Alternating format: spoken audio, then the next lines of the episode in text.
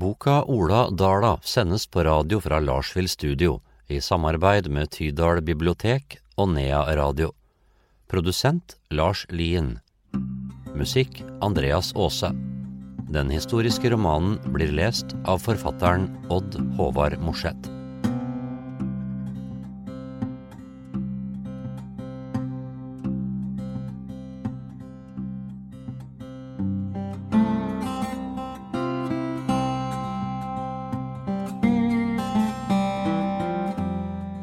Kapittel 8 Det er lørdag 21. juni 1823.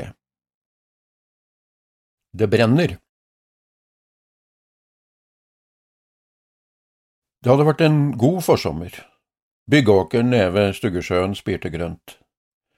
En god sommer måtte til før kornbanene kunne settes på staur for tørk i høstsola. Like nedenfor tunet, i bakkene ned mot sjøen, hadde Ola satt poteter, og ved siden av, der, en liten nepeåker. Det var de første potetene som var satt på gården. Han hadde tatt med seg gode råd og kunnskap fra skoletiden på Røros. Ingen her i dalen hadde begitt seg ut på noe slik. Dyrking av korn og potet i Stuggedalen var etter allers mening en tvilsom affære. Nå hadde den unge, spede mannen bestemt seg for å bli bonde, og det skulle gjøres på skikkelig vis. Det fikk briste eller bære, det var ikke tid for grublerier, savn eller forsakelse. Han hadde tatt ansvar for gård og grunn, og bestemt seg for at alt går. Mye tid hadde gått med inn i liene ved Riasen utover høsten og vinteren. Far hadde hatt ved til mange miler liggende klar for brenning der. Hans på Flaten hadde vært en dyktig læremester, og kølfogden hadde godkjent alt arbeid før tenning. I løpet av vinteren hadde Ola kjørt køl til hytta på Røros. Tørr og fin stableved var også levert lageret ved Hitterelva.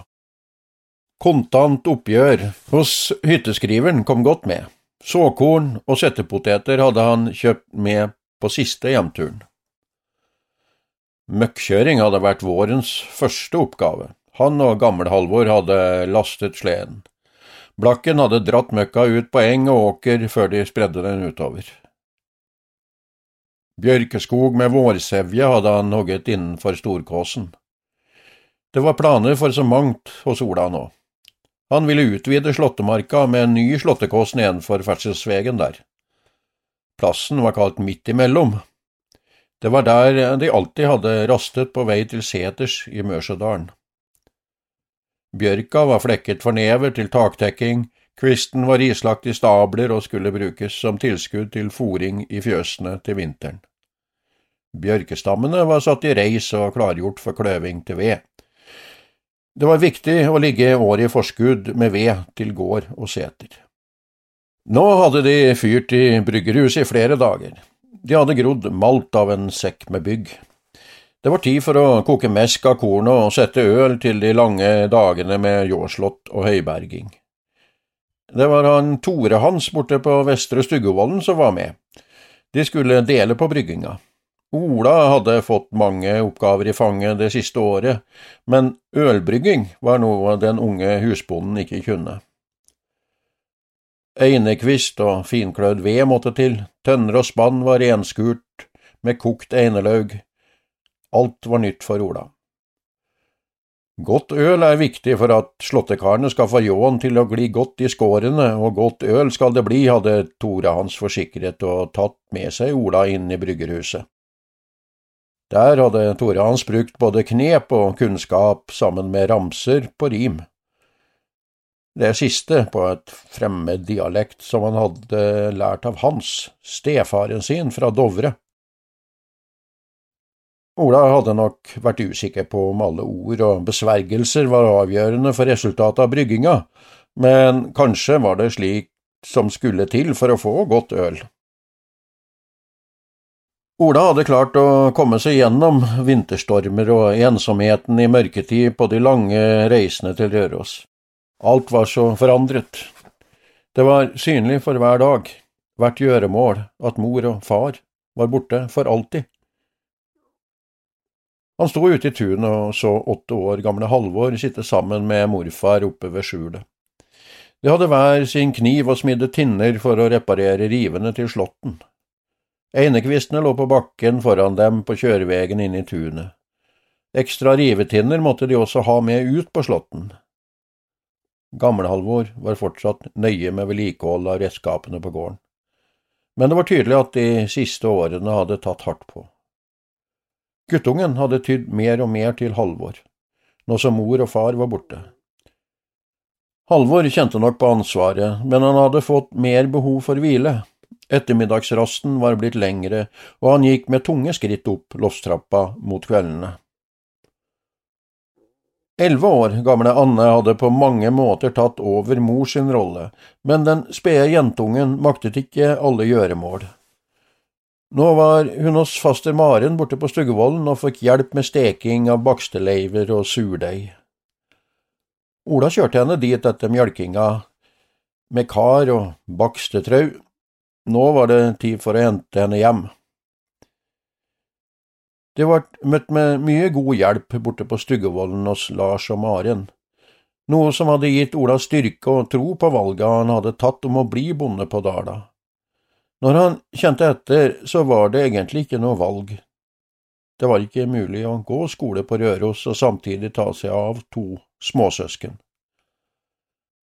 Uansett så var det lettere å komme seg videre når så mange ga gode bidrag og hjelp i hverdagen.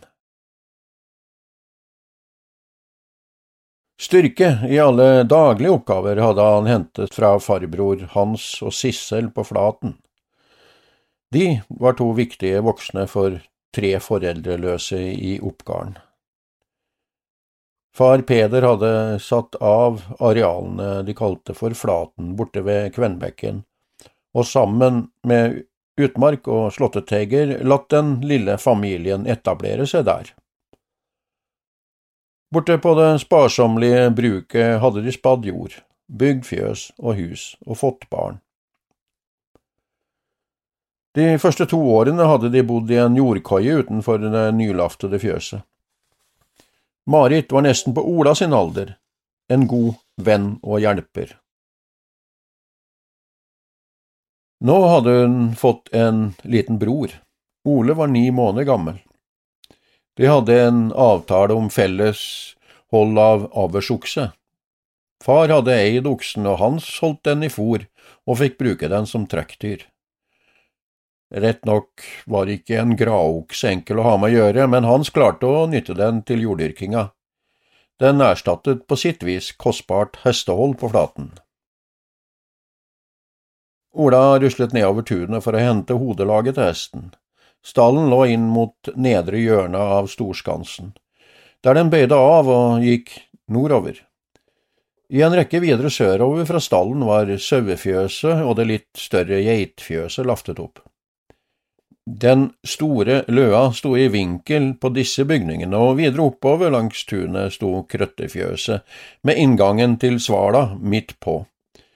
Fjøsene var tomme.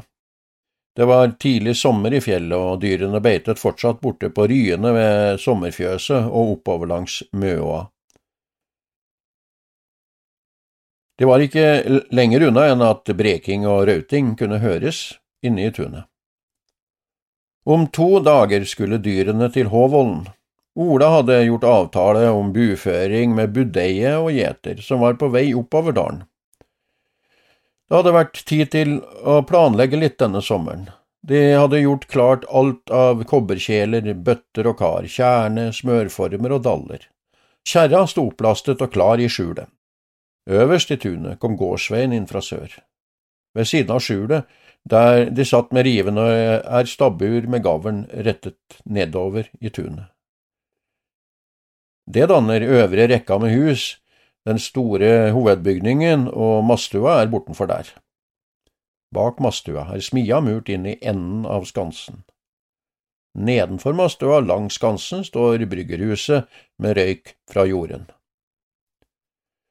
Det blir væromslag, sa Gammel-Halvor uten å se etter Ola.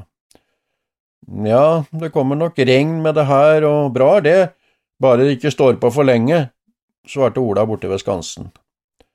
Åker og eng trengte regn nå, men han kjente godt til nordvesten når den la seg innover dalen, kald og bløt. Var en heldig, slapp den taket etter et par–tre dager. Røyken fra bryggerhuset kom sigende gjennom tunet og nådde ned forbi Neggarden. Det lukkede tunet i nabogården var bygd opp på samme måte. En gang i tiden var dette den eneste gården for Stuggesjøen. Dit hadde Ole Knutsen kommet fra Røros og delt på gård og hushold med Peder Ellefsen. Noen år senere ble de enige om å dele gården. Ellefsen beholdt det gamle tunet, mens Ole Knutsen bygde nytt hus litt lenger oppe ved bekken. Slik ble den nye gården kalt Oppgarden og den gamle tunet Neggarden. Det tok ikke mange årene før Ole Knutsen reiste tilbake til Røros, og bestefar Ingebrigt kom fra Halvorsgården i Ås og tok over bygsel og hus i Oppgarden.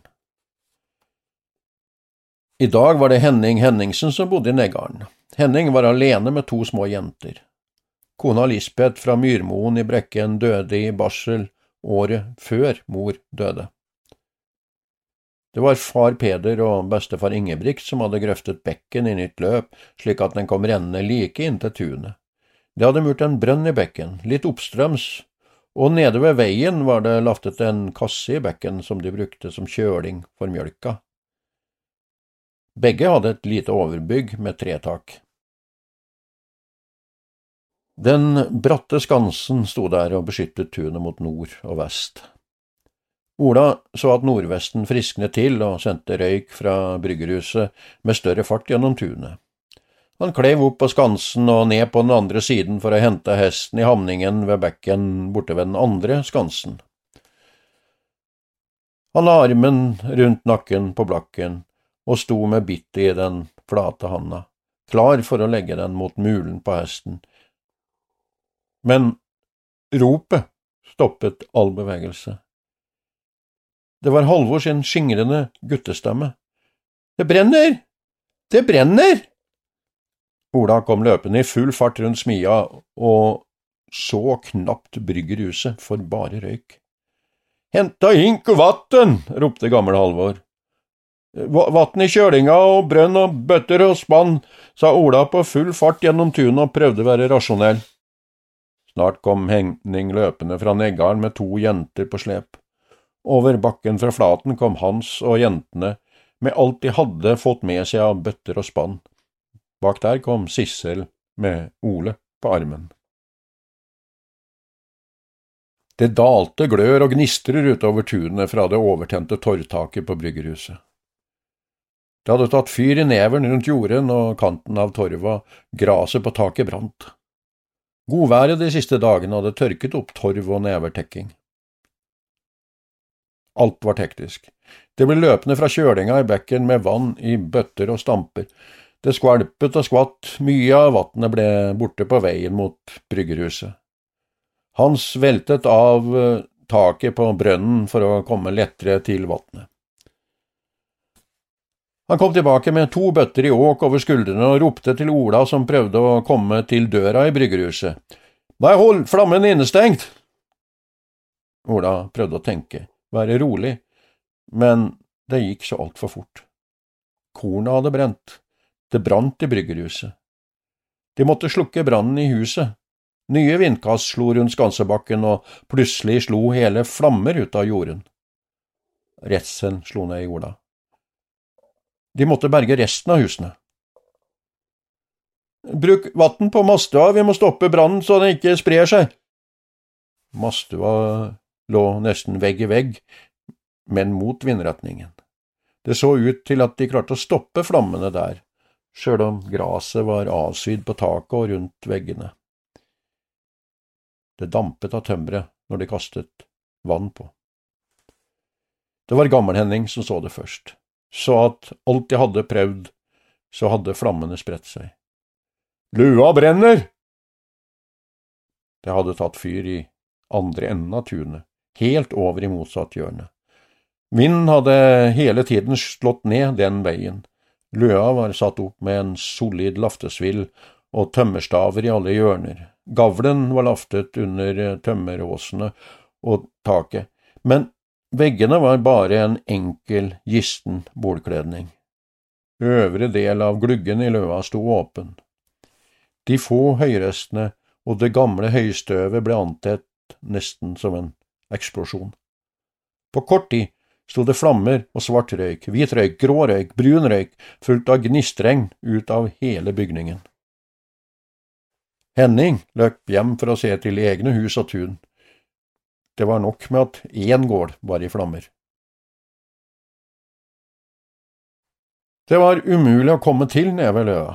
Varmen svei, øynene verket, vinden kastet glør i virvler over tak og gårder. Fjøset, vi må berge fjøset, ropte Ola. Fjøset like opp for løa lå litt i le for flammen og vind.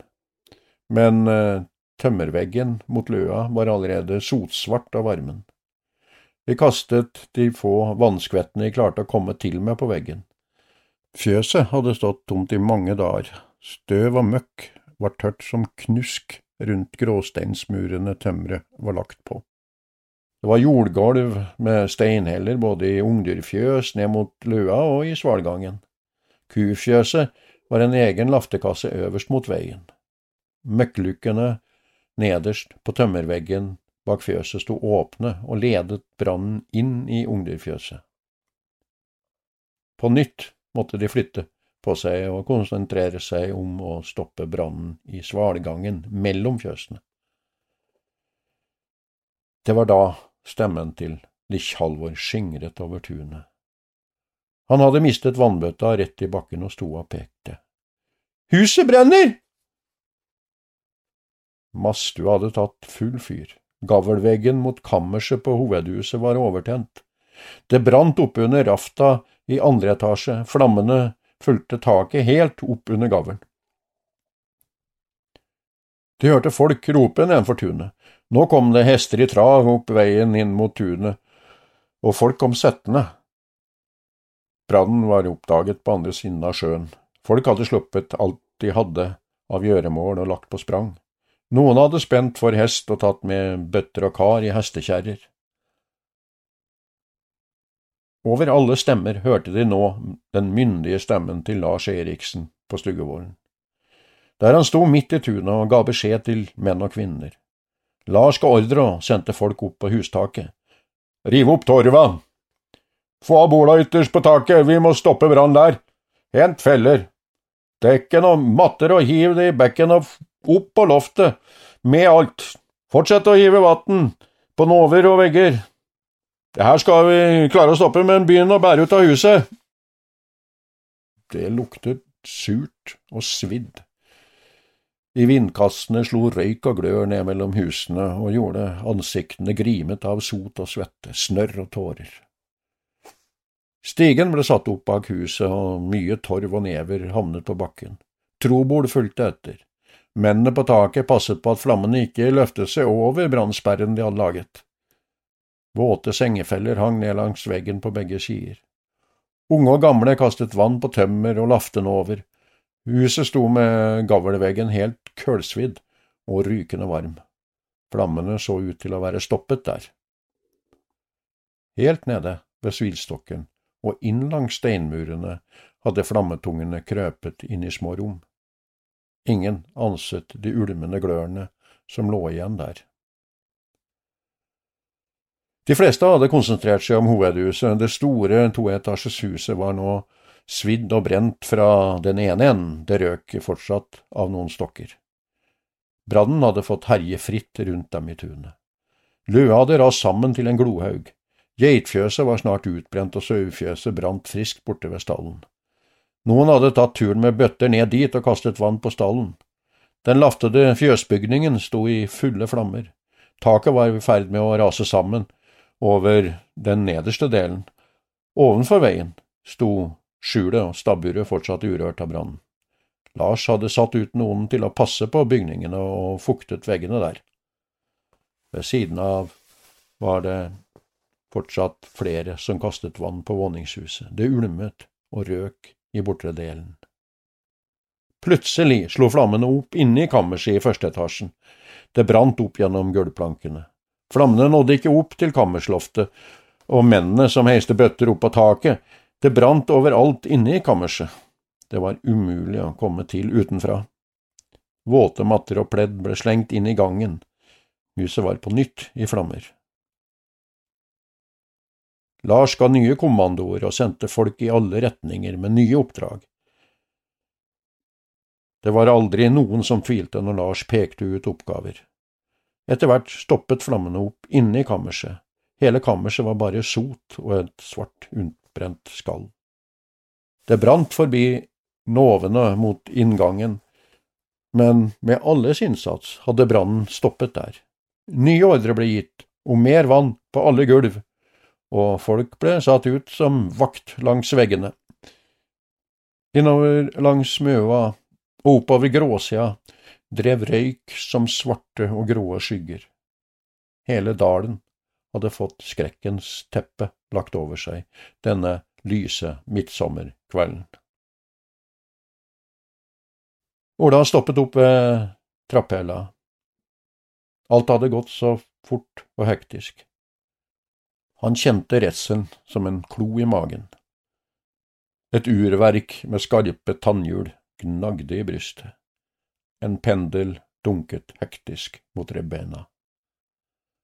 Han hadde kastet jakka på bakken en plass. Den grove, sorte striskjorta var bløt og revnet. Kroppen skalv. Han visste ikke om han frøs da han snudde seg bort fra alt og gikk opp mot gjerdet ved trøa. Han la seg ned på bakken oppe i den bratte skråningen og så gården i ruiner.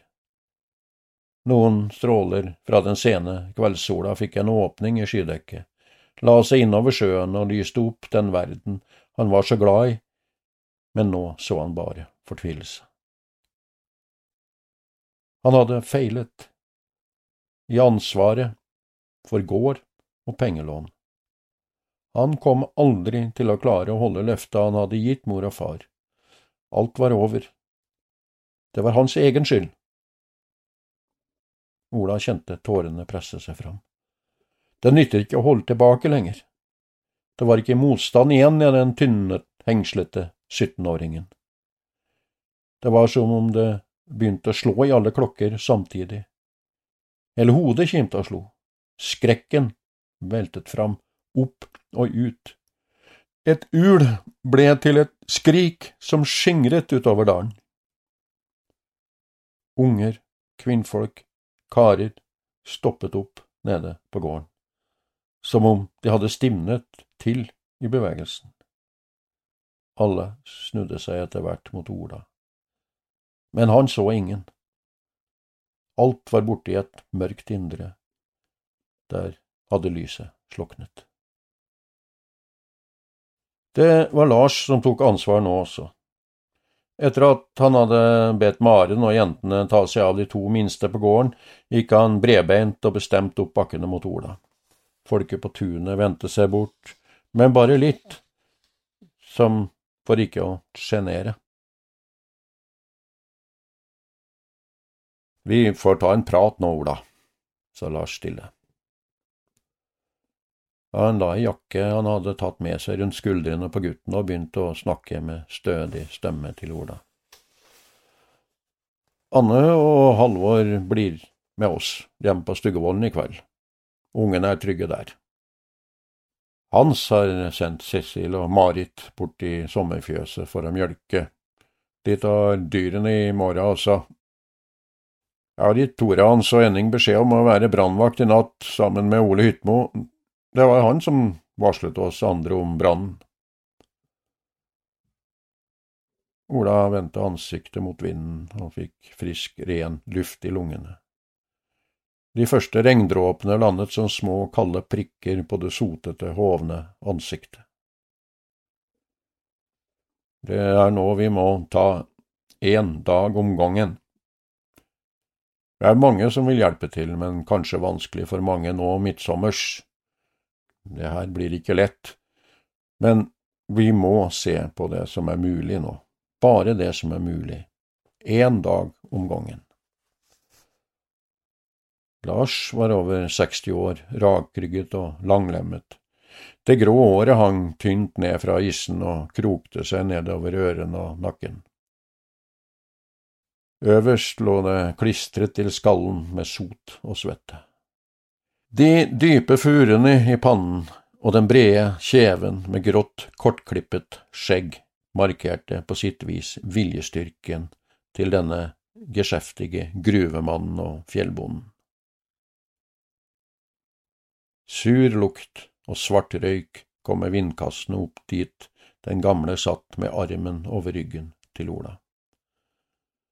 Det var ikke mer å si. Ola var tom for språk, tom for vilje.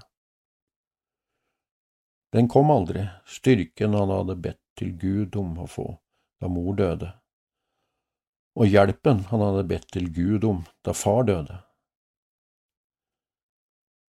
De samme tankene bare kvernes og sola. Han hadde sviktet.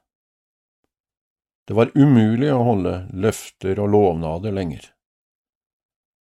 Han kunne ikke lenger ta vare på sine to små søsken. Til og med Gud hadde forlatt ham. Nå kom nordvestene bærende på regnet innover dalen. Sjøen gikk i krappe bølger med små skumtopper. Lars reiste seg sliten opp fra bakken, og med myndig stemme beordret han Ola opp på beina. Her kan vi ikke sitte i natt. Nå må vi få i oss mat og drikke. Det er folk nede på tunet her som har reddet innbo og bygninger for dem. Det er bare du som kan takke dem for det. Vi får begynne der. Lars løftet først nå blikket ned mot gården. Med et slag sto skrekken og det grufulle foran. Han hadde aldri i sine mange leveår sett noe lignende. Det var som om tårene ville ta tak i Lars også. Husene, som det hadde tatt generasjoner å bygge opp, var i ruiner. Bygningene, som han i alle år hadde gått ut og inn av, siden han var guttunge, og senere kom som frier og fått et godt gifte i maren, var rasert. Det hadde gjennom mange år bygd seg opp et sterkt tillitsforhold mellom Lars og brukerne på Dala, helt siden han kjøpte Stuggevollen av Kongens Mark og bygde opp den gamle setervollen til et anstendig bruk. Han hadde gjennom årene delt kunnskap med Ingebrigt og Peder, og etter hvert kjent på ansvar for den nye generasjonen. Lars var i full tvil der han holdt fast i Ola, og la jakka tettere om skuldrene på gutten og tok han med ned i tunet. Han så ikke bare nedbrente hus. Han så restene av en familie i ruiner, i restene av en gårdstun i ruiner. De var fullstendig hjelpeløse nå. Ola hadde tatt over ansvar etter sine foreldre, laget et hjem for sine søsken, vist arbeid og flid som en fullvoksen bonde, skaffet seg finansiering og med en utrolig kløkt klart å rette opp i en skakkjørt økonomi. Lars bøyde vemodig hodet, men dette kunne ingen redde seg ut av. De ble møtt av Hans, som sto og ventet bak skjulet med lua i handa. Det lange, smale ansiktet med den høge panna hadde blanke og rødkantede øyne. Han skiftet mellom å se på Ola og Lars. Han kjempet med ord. Fant ingen måte å få fram budskapet på, de smale leppene ville bare skjelve. Er det mer? Lars var skarpere og mer brydd i stemmen enn han hadde ønsket. Det, det er Gammel-Halvor, kom det til slutt. Vi har lagt han i soldatstua. Han har fått sotlunge. Magli fra Stuggevollen sto utenfor trapphella og ventet på at far Lars skulle komme og gi nye beskjeder. Magli holdt et godt tak om skuldrene til Anne og Likkjalvor. Med redde blikk så de to rett framfor seg. Karene prøvde å stoppe gubben, og han klatra likevel opp på kammersloftet da brannen slo opp igjen. Aldeles galskap. Det er Maren og Elen som er inne hos han nå, sa Magli. Det er bra. Nå tar dere hesten, så kjører dere Anne og Halvor bort på Stuggevollen. Gjør så godt dere kan med dyrestell, og få stelt i stand og mat. Mor og jeg blir her. Lars tok med seg Ola inn i gangen. Det var to tømmerkasser på hver side. Halvor lå innenfor den åpne døra. Ved senga satt Elen, som kom til Stuggevollen som raksetøs og seterhjelp i fjor sommer. Det gikk ikke likere til enn at den unge jenta fra Hitra hadde blitt værende. Det var lyst for giftermål mellom Ellen Gjertine Barmen og yngstesønnen Henrik. Elen hadde vært pleier på sykestua i Hummelvik. Det var nok derfor Maren hadde tatt henne med inn til Halvor. Lars bøyde seg over senga og fanget blikket til Halvor. Han så at all farge hadde forlatt leppene og øynene fått en gul hinne. Pusten gikk i korte hikst. Er du med oss, Halvor, kan du snakke? Halvor nikket og prøvde seg på et svar. Det kom bare noen korte host. Han prøvde på nytt og satte armene under seg i brisken, prøvde å løfte seg opp for å få luft. Elen rullet sammen jakka si og la under hodet til Halvor. Det var sot overalt i ansiktet til gubben. Det tynne, grå skjegget var misfarget og gult. Slimet han hostet opp, var svart. Halvor lette med blikket og fant Ola. Vinket han til seg og prøvde på nytt å snakke. En, en, henta ryssen!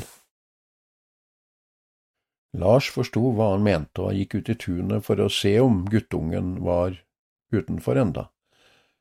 Men de var alt på veg mot hva borte i Møa. Likkjalvor satt sammen med Magli bak i hestekjerra som ledet an folket på hjemvei. Men han så datter Marit fortsatt var igjen i tunet. Hun hadde begynt å rydde i alt av huskeråd, klær og sengetøy som var kastet ut av huset. Lars kjente at det varmet litt. Det var alvor mellom henne og Ole nå. Hun ville være natta her sammen med Ole Hytmo fra Aune. Han hadde kommet mange helger i det siste, det var han som hadde sett brannen da han passerte Gjednes og varslet de andre. Det hadde nok vært mer som et innfall at han ga Ole ordre om å bli igjen her i natt. Det var normalt at en utpåkar ble satt på prøve. Det ville komme flere prøver om denne karen mente alvor med sin frierferd. Lars gikk inn igjen og varslet at Likkjalvor var på vei bort på Stuggevollen. Halvor vred på kroppen, trakk jakka som lå ved siden av i brisken, som en bylt. Elen var snar framme og ba han ta det rolig og løftet jakka bort til Halvor. Bylten åpnet seg, og fela kom til syne. Halvor tok tak med svarte fingre om halsen på fela og løftet den mot Ola mens han hvisket Halvor. Alle forsto budskapet. Fela fra Halvorsgarden, som Erik hadde berget unna karolinerne, skulle nå gå videre med Halvor Eriksen sitt barnebarn.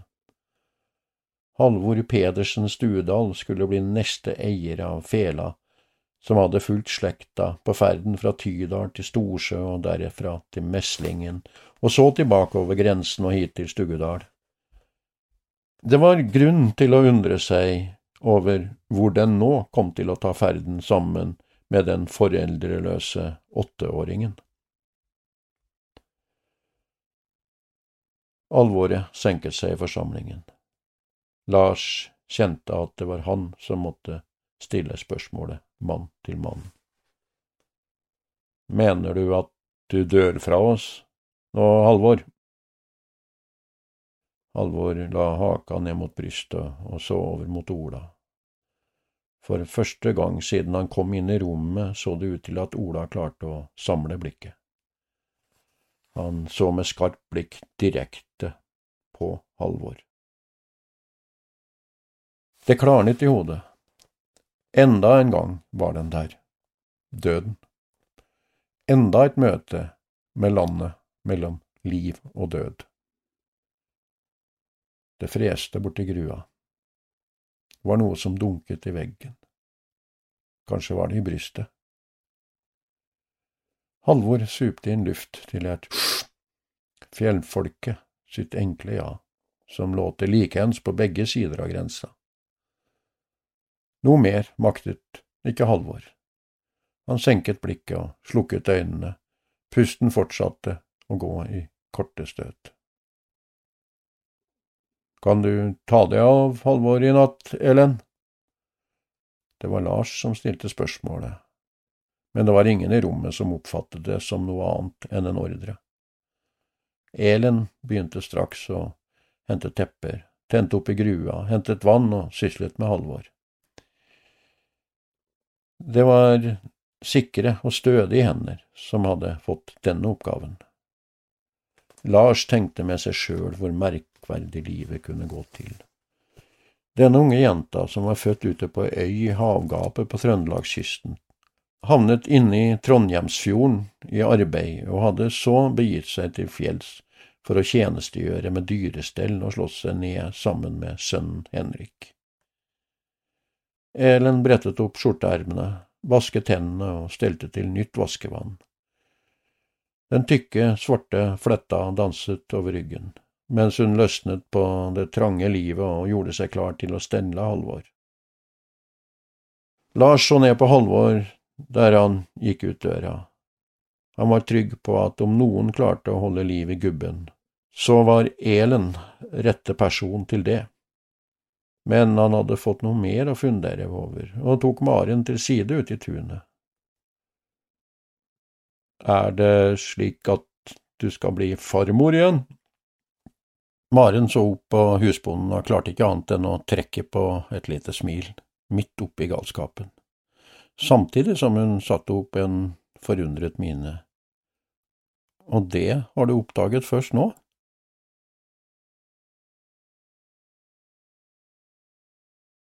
Skottgården, torsdag 17. april 1862 Ola staller opp hesten, vant som han er med å komme hit til skottgården.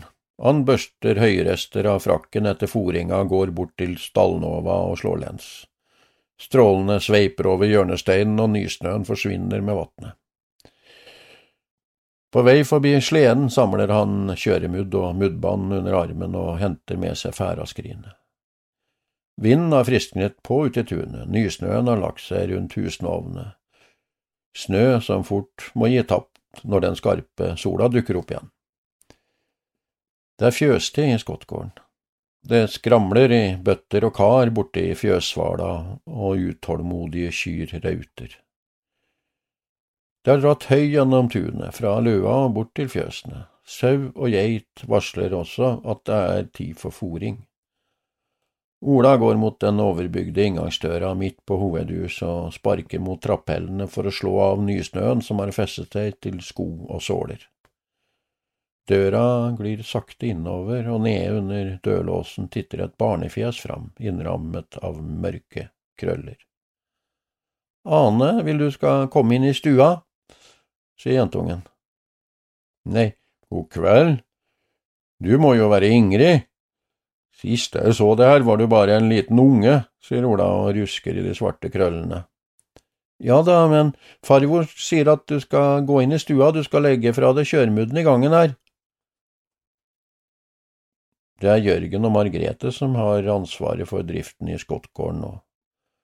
Gamle Ane har likevel full styring på både hushold og servering, slik det har vært så lenge Ola kan minnes. Ane ble enke etter at Ingebrigt gikk bort. Han og far Peder var søskenbarn. Ola gjør som han får beskjed om av den myndige jenta og går inn i den varme stua. Nei, der er du, ja.